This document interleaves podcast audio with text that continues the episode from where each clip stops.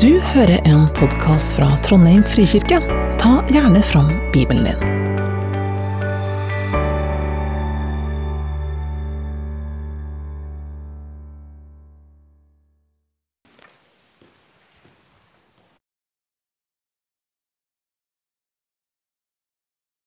fra eh, Lukas. Jeg skal lese fra Lukas kapittel 7, fra vers 18 til 28. Johannes fikk høre om alt dette gjennom disiplene sine. Han kalte to av dem til seg og sendte dem til Herren for å spørre. Er du den som skal komme, eller skal vi vente en annen? Nettopp da helbredet Jesus mange for sykdommer og plager og onde ånder, og han ga mange blinde synet. Og han svarte dem, Gå og fortell Johannes hva dere har sett og hørt. Blinde ser, lamme går, spedalske renses, døve hører. Døde står opp, og evangeliet forkynnes for fattige. Og salig er den som ikke faller fra på grunn av meg. Da sendebudene fra Johannes var gått, begynte Jesus å tale til folket om Johannes. Hva gikk dere ut i ødemarken for å se? Et siv som svaier i vinden? Nei, hva gikk dere ut for å se? En mann kledd i fine klær? De som går i praktfulle klær og lever i luksus, bor i slott. Hva gikk dere da ut for å se? En profet? Ja, jeg sier dere, mer enn en profet. Det er om ham det står skrevet. Se, jeg sender min budbærer foran deg.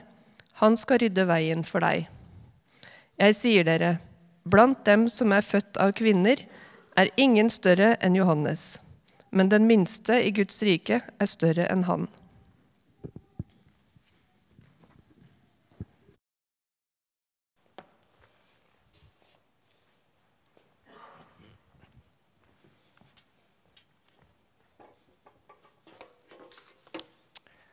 Skal vi se, jeg må ha litt drikke med.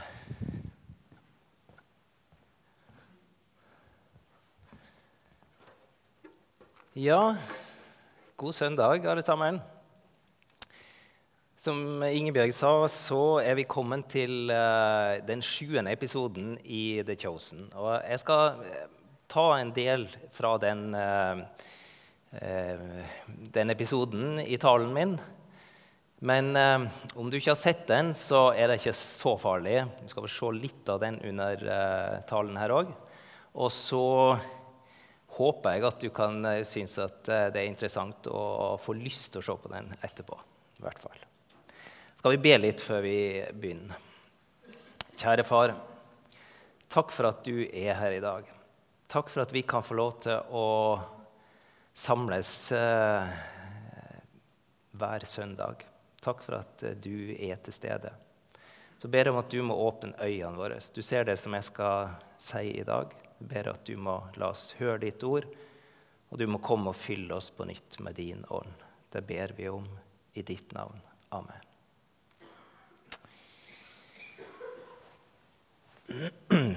Talen min den vil i hovedsak eh, dreie seg om den teksten som er satt opp for denne episoden. Eh, teksten som Johanna leste nettopp. Og overskriften i det studieheftet som vi har til denne eh, serien, det er 'Oppgjørets time'. Den engelske tittelen på episoden, 'Reckoning', kan òg for så vidt oversettes med 'regning' eller 'gjøre opp regnskap'. Og det er vel det som gjenspeiler denne situasjonen som eh, døperen eh, Johannes befinner seg i når han er i fengselet og begynner å stille eksistensielle spørsmål. Og kanskje forsøke å gjøre opp en status. Skal vi få opp litt eh, Der, ja. Der kom den. Jeg har satt følgende overskrift over teksten i dag. Hva kan døperen Johannes lære oss om eh, tro og tvil? For de som har sett episode 7, så lurer de på kanskje hvorfor eh, denne teksten er tatt fram. For det er jo på en måte ingen scener i den eh, filmen eller den episoden som omhandler denne teksten. Og dette er jo en tekst som ofte blir brukt i adventstida, tredje søndag i advent. Peker fram mot Jesu komme. Men denne teksten den er på en måte et, sånn bakteppe i hele den episode sju. Gjennom hele denne episoden så, så ser vi at uh, vennene til Jesus er dypt bekymra for sikkerheten til Jesus. Flere ganger så nevner de at Johannes han er fengsla, og de er redd for at det samme skal skje med Jesus. Ja, De er såpass redd for det at de planlegger sikkerhetstiltak når han skal tale. Og de er klar med både våpen og maktbruk eh, for å passe på Jesus. Men aller først så, så tenkte jeg skal si litt om forventninger og forestillinger. Det er kanskje noen som har erfaring med det. Det tror jeg de fleste har. Og da tenker jeg kanskje mest på de forventningene som jeg sjøl har, og ikke akkurat de der forventningene som jeg tror alle andre har om meg, men ting som jeg tenker på om ting. Ta et eksempel fra mitt liv ferieplanlegging. Hos oss er det, så er det i hovedsak jeg som gjør eh, ferieplanlegginga. Og mye av den gleden som jeg, jeg har synes på ferie, det er å liksom planlegge dette her, det er å sjekke ut Eh, steder, det er å se på reiseruter, eh, severdigheter, hotell og sånn. Og På den måten så bygger jeg liksom opp en sånn forventning til ferien. Og så prøver jeg jo å selge dette inn til reisefølget òg, da.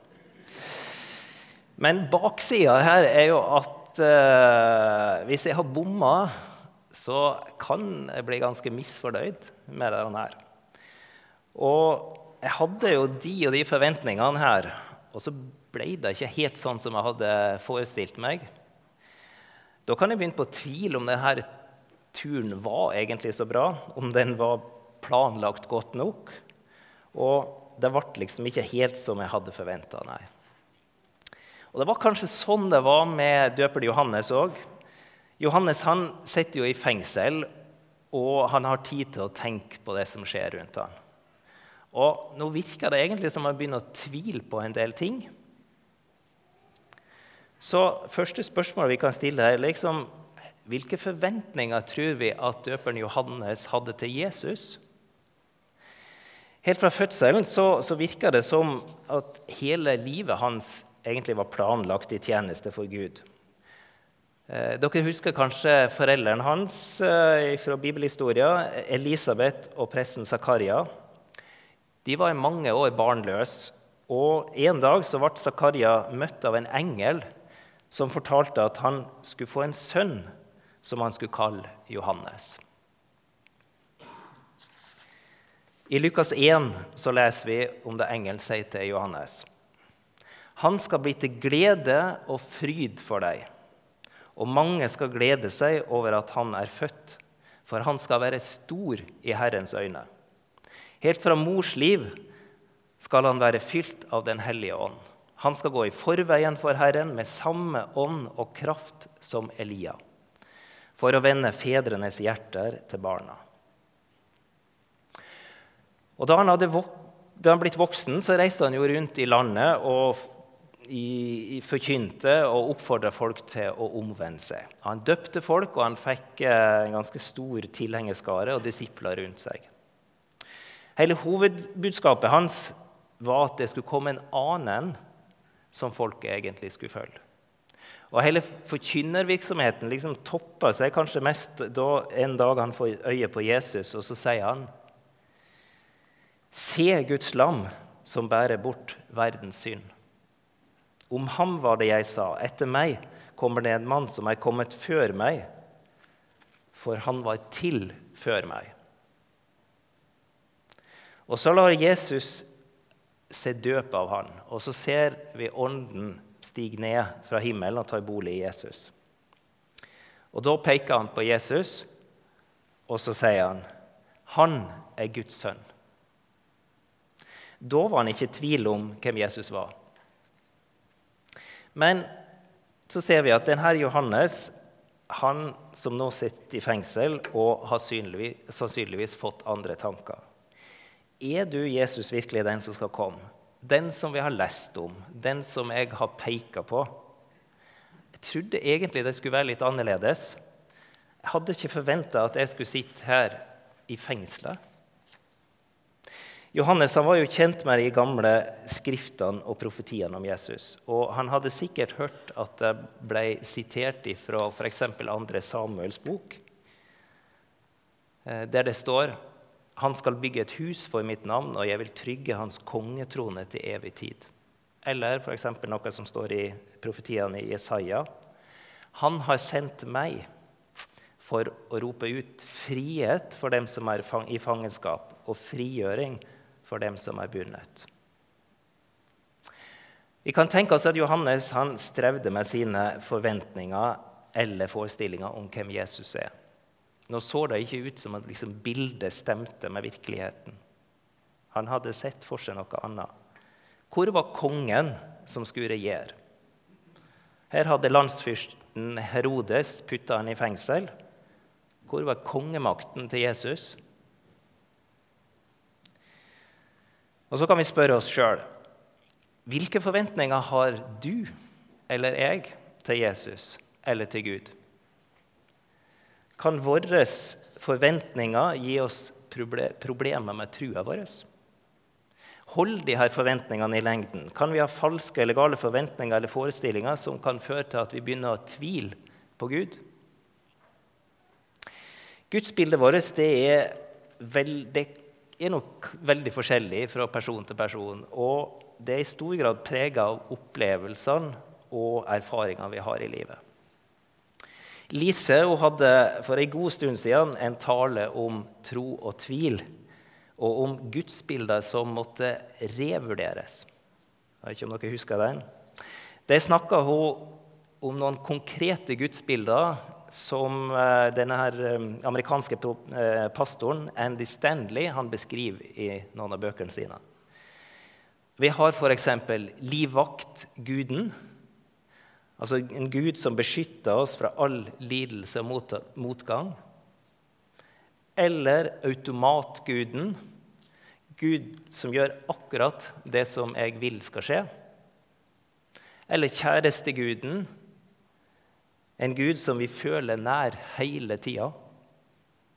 Eller skyldguden, en gud som ønsker å kontrollere oss gjennom skyld og frykt.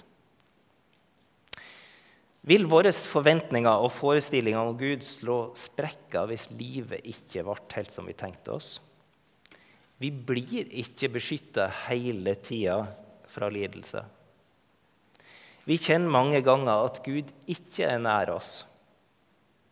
Og ikke alt vi ber om, får vi. I hvert fall ikke med en gang.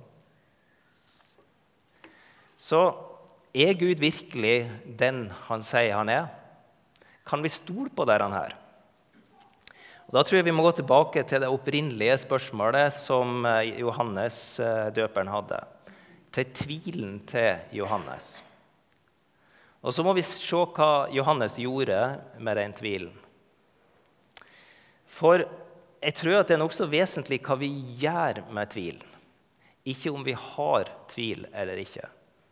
For i løpet av livet så vil vi alle komme til å kjenne på denne tvilen.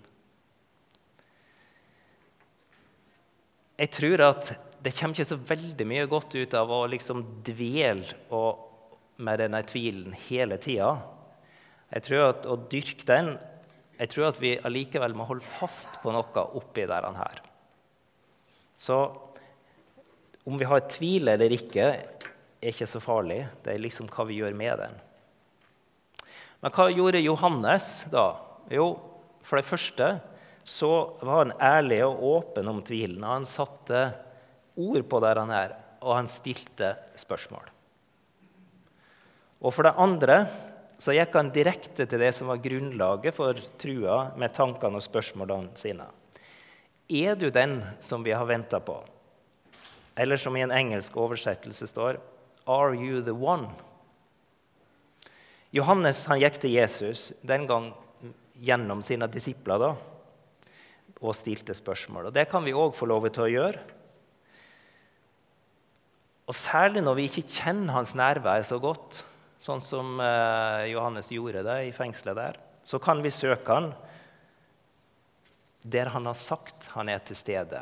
Og for oss i dag så er det jo i hovedsak i eh, bønner og Bibelen og i samtale med andre, f.eks.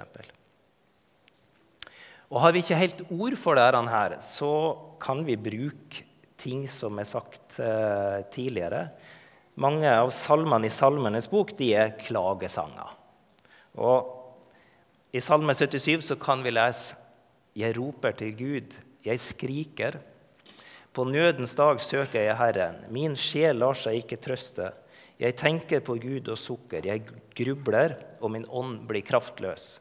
Jeg er urolig, jeg kan ikke snakke. Ganske tunge tanker. Eller Salme 22, som Jesus selv siterte når han hang på korset. Min Gud, min Gud, hvorfor har du forlatt meg? Hvorfor er du så langt borte når jeg trenger din hjelp og skriker ut min nød? Min Gud, jeg roper om dagen, men du svarer ikke. Jeg roper om natten og får ikke ro.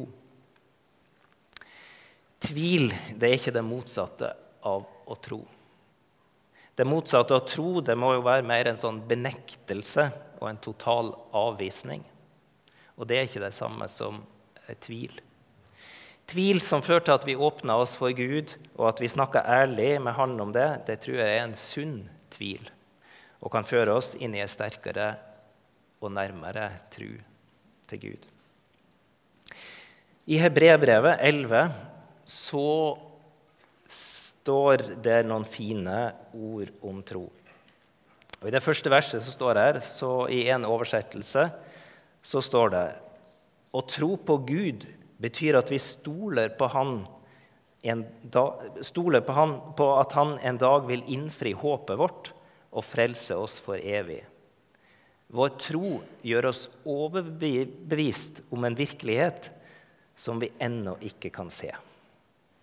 Eller som en annen oversettelse oversetter de samme ordene eh, med Hva er så tro? Tro er full tillit til det en håper på, og overbevisning om noe en ikke kan se med sine fysiske øyne. Personlig så syns jeg det er vanskelig å snakke og beskrive om trua mi. Beskrive trua mi her. Mange ganger så kjenner jeg jo på denne tvilen som vi har vært innom her. Eh, men jeg syns disse versene sier mye om det her med å tro. Og sjøl om jeg ikke kan objektivt eh, forklare på en, her på en vitenskapelig eller logisk måte, så er det noe grunnleggende i livet mitt. Noe som bare er der, uavhengig av meg og hva jeg kjenner og føler. Jeg har tatt beslutningen om å tro at han er der. Og så kjenner jeg at gudsbildet mitt er en gud som ikke vi trenger å forklare eller sette helt i ramma. Jeg tror på en gud som er større enn det jeg kan forklare, og som eksisterer i en virkelighet som egentlig går utenfor mine evner til å forstå. Og Da trenger jeg ikke alltid ha en sånn forestilling om at sånn og sånn er Gud. For da tror jeg han blir for liten og passer ikke i alle sammenhenger. Han er større enn det. Men hvis vi går tilbake til teksten her, da, hva, hva svarte Jesus Johannes eh, eh, på de her spørsmålene da? Ga Jesus det svaret Johannes trodde han skulle få? I utgangspunktet så ser det kanskje ikke sånn ut. Det er i hvert fall ikke et helt lettvint svar som Jesus gir. Og Her kan vi jo alle kjenne oss igjen. Det er ikke ofte at Jesus gir det liksom helt det svaret vi har sett for oss. Kanskje løsningen er litt annerledes. Og Det forteller vel kanskje òg mye om vårt begrensa gudsbilde. Vi har liksom planer for hvordan han skal gripe inn. Jesus han siterte en profeti fra Det gamle testamentet når han svarte her. Han sa, 'Gå og fortell Johannes hva dere hører og ser.' Blinde ser, og lamme går. Spedalske renses, og døve hører. Døde står opp, og evangeliet forkynnes for fattige. Jesus sender altså Johannes sine disipler tilbake til fengselet med beskjed om at de skal fortelle hva de ser og hører. I teksten så nevnes fem forskjellige undre her. Det er blinde, det er lamme som går, det er spedalske blir friske, eh, døve hører, og størst av alt, døde kommer tilbake til livet. Alt dette er gode nyheter, altså det som Bibelen beskriver som evangelium for oss mennesker, som på ulike måter mangler noe. Vi er fattige, som det står. Og jeg tror ikke bare at vi skal tenke på det fattige i materiell forstand. Nei, jeg tror at vi må tenke oss at her snakker han om at vi er fattige i åndelig forstand. Vi som tviler, vi som føler oss tomme og ikke har noe å komme med i oss sjøl. En annen gang så sier han salig er de, fatt, de som er fattige i ånden, for himmelriket er deres. I bergprekena. Dette var svaret til, Johannes eh, fra Jesus. da. Svaret var ja. Han var den som skulle komme, og han var i full aktivitet for å gjøre himmelriket tilgjengelig, tilgjengelig for alle. Og Flere av disse undrene de, som er beskrevet, de hadde vel Johannes sannsynlig både sett og hørt tidligere. Jesus ber Johannes sine disipler om å reise tilbake til han og si at han må ikke glemme det som tidligere han har opplevd sammen med Jesus. Men hva med oss, da? Er vi flinke til å se det som skjer rundt oss? Er vi flinke til å fortelle om det vi ser eller hører? Jeg tror at vi stadig må bli minnet om at vi ikke må glemme hva Gud har gjort for oss. Salmene sier da, 'Min sjel, lov Herren', og glem ikke alle hans velgjerninger. Livet vårt fyller oss med så mye at vi glemmer ofte der han her, hva hans velgjerninger er. Og her tror jeg at trua vår trenger påfyll. Jeg tror at Jesus med disse ordene, når han sa 'gå og fortell hva dere hører og ser', ikke først og fremst blir oppfatta som et krav til oss, noe vi skal gjøre. Men det er en mulighet. En mulighet til å hjelpe hverandre i troslivet, på samme måte som Johannes sannsynligvis ble oppmuntra av det som han hørte. Når vi forteller om hva vi har sett og hørt hos Jesus, så har det en egen kraft som virker. Jeg tror at sånne personlige vitnesbyrd har mye større kraft og kan nå lenger enn mange velformulerte teologiske argument.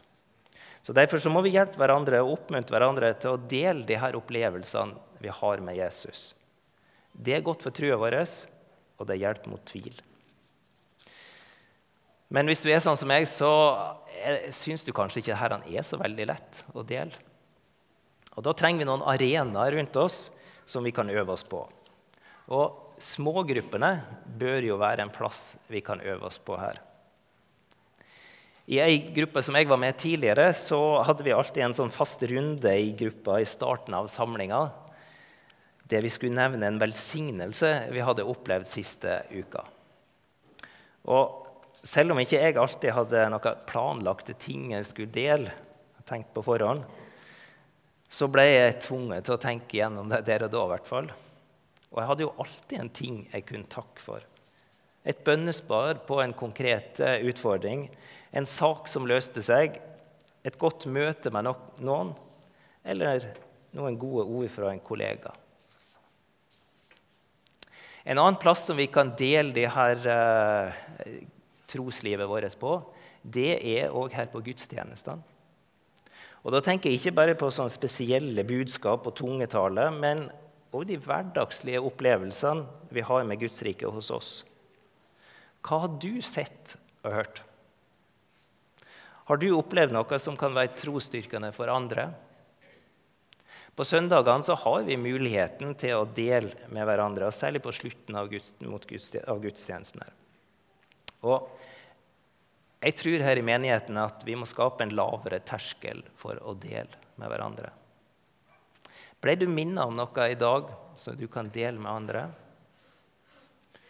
Du kan i hvert fall eh, komme fram hvis du, hvis du blir minnet om noe, og dele det med møteleder eller pastor. Og så kan vi forsøke å dele det på en god måte etterpå til alle. Døperen Johannes han fikk med seg en beskrivelse av noen store under. Men hva legger vi merke til av himmelriket i dag? Hva ser vi i dag? Ser vi de her undrene? Og da tror jeg jeg må ta med en sak som jeg hørte for noen få uker siden. Mange har sikkert hørt og lest om vekkelse i en by i USA, i Kentucky, nå i februar. Og jeg oppdaga dette litt sånn tilfeldig på en podkast på NRK som jeg hørte på vei eh, hjem fra jobb en dag. Og Det fortalte de om en liten studentgudstjeneste på et universitet som utvikla seg til et sammenhengende to uker langt lovsang og vitnemøte. Og Tusener kom langveis fra for å være med. Og VG skrev en lang artikkel om dette, her, så dere kan lese etterpå, som fortalte om en del hva som skjedde der. Tilgivelse og gjenoppretta relasjoner mellom studenter. Sterke vitnesbyrd om møter med Gud. Om man skal kalle dette en vekkelse eller ikke, det kan man jo diskutere. Men eh, det beskriver i hvert fall, eller For meg så betydde dette en oppmuntring i troslivet. Det å høre noe som skjedde, høre noe som andre så og hørte, det ga en påminnelse om Guds nærvær i dag. Og Jeg vet ikke om noen las gårsdagens Vårt Land. Det var det en annen ting òg.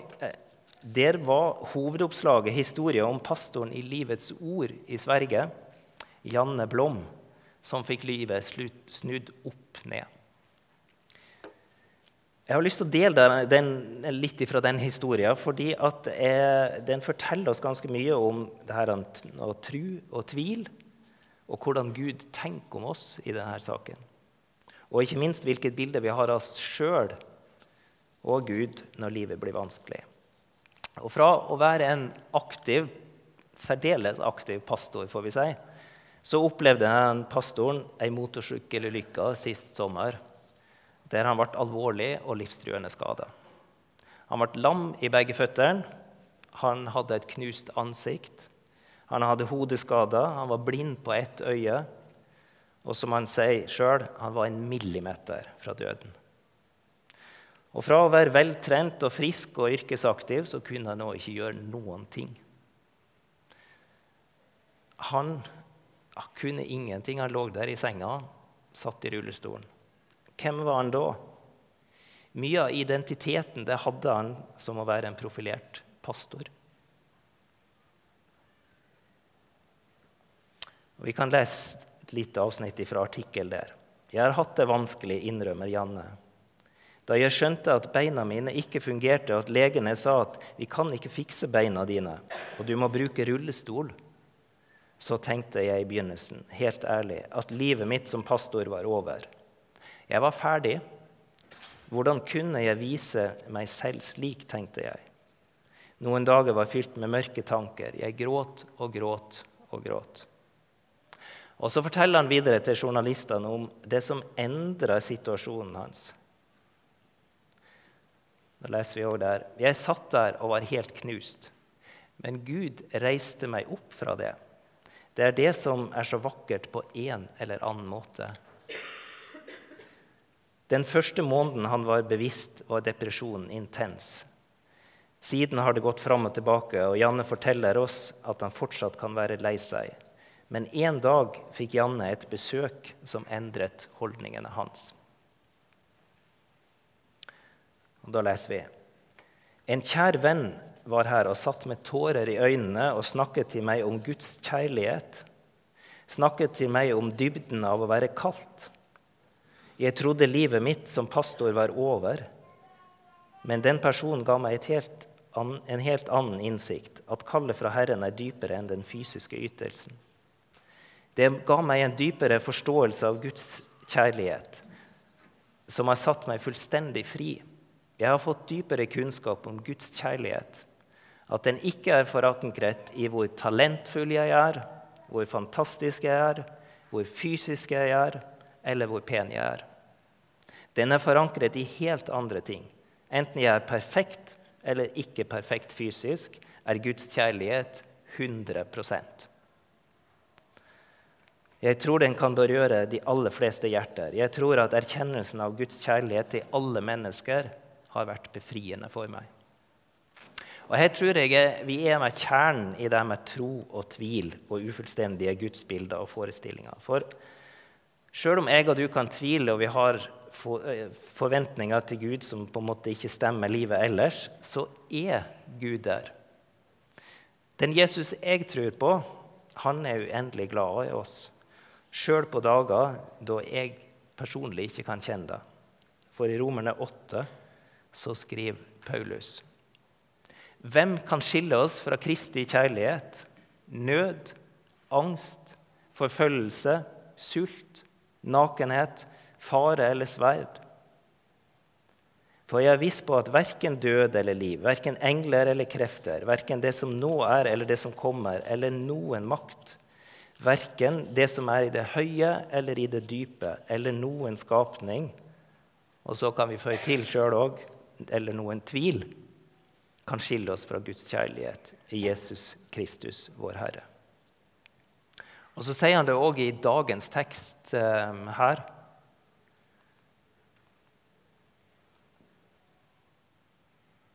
Jeg sier dere, blant den som er født av kvinner, er ingen større enn Johannes. Men den minste i Guds rike er større enn han.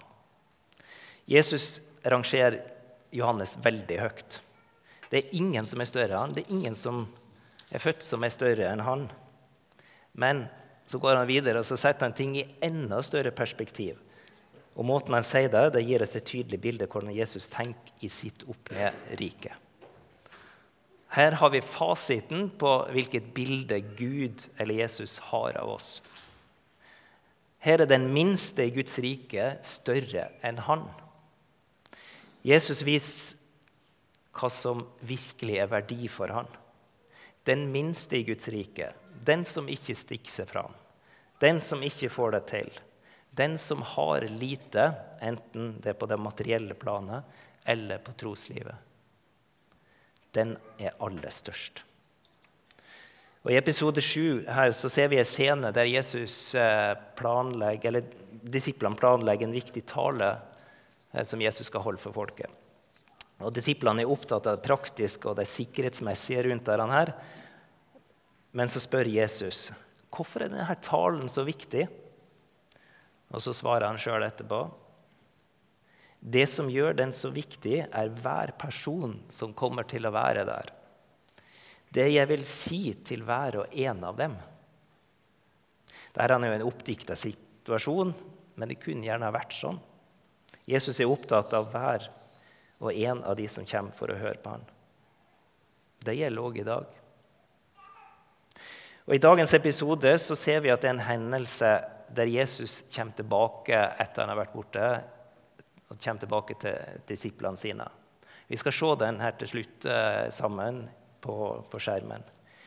Og Foranledningen her er at Jesus ble tatt inn til avhør av romerne. Og vennene de er bekymra for at han er borte.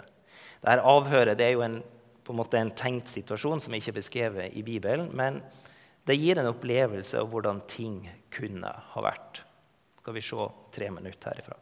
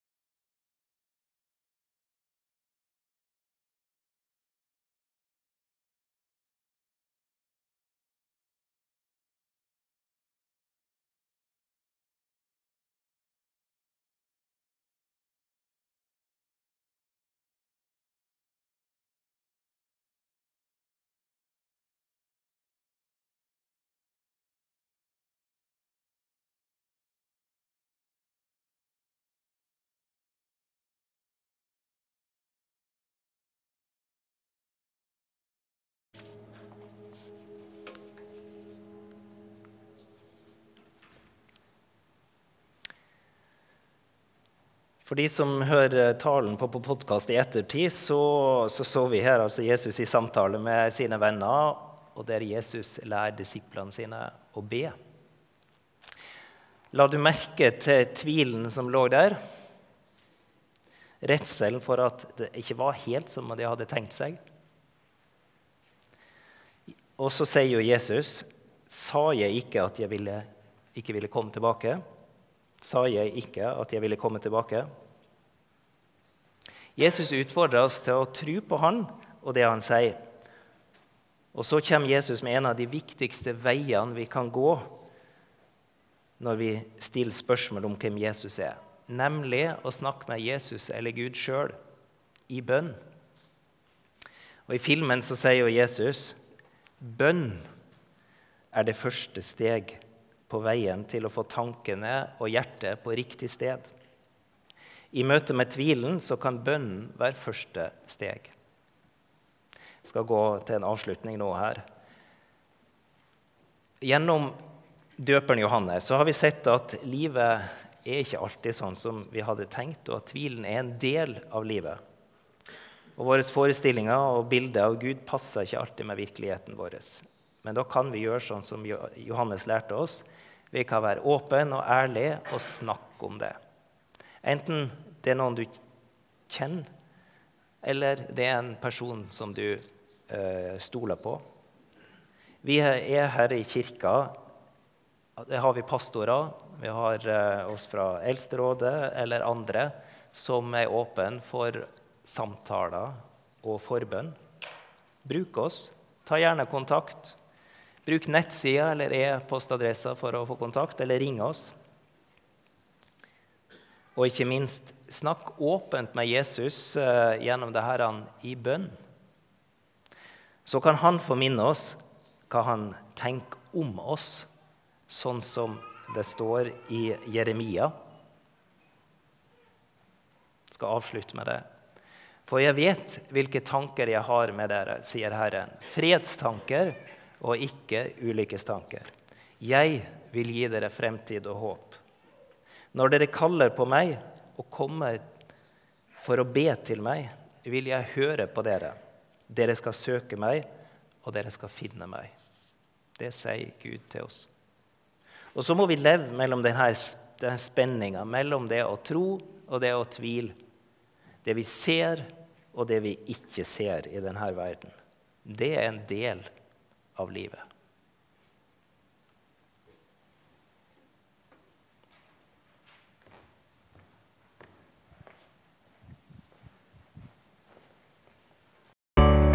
Takk for at du hørte på. Velkommen til gudstjeneste søndager klokka 11. Mer informasjon finner du på trondheim.frikirke.no.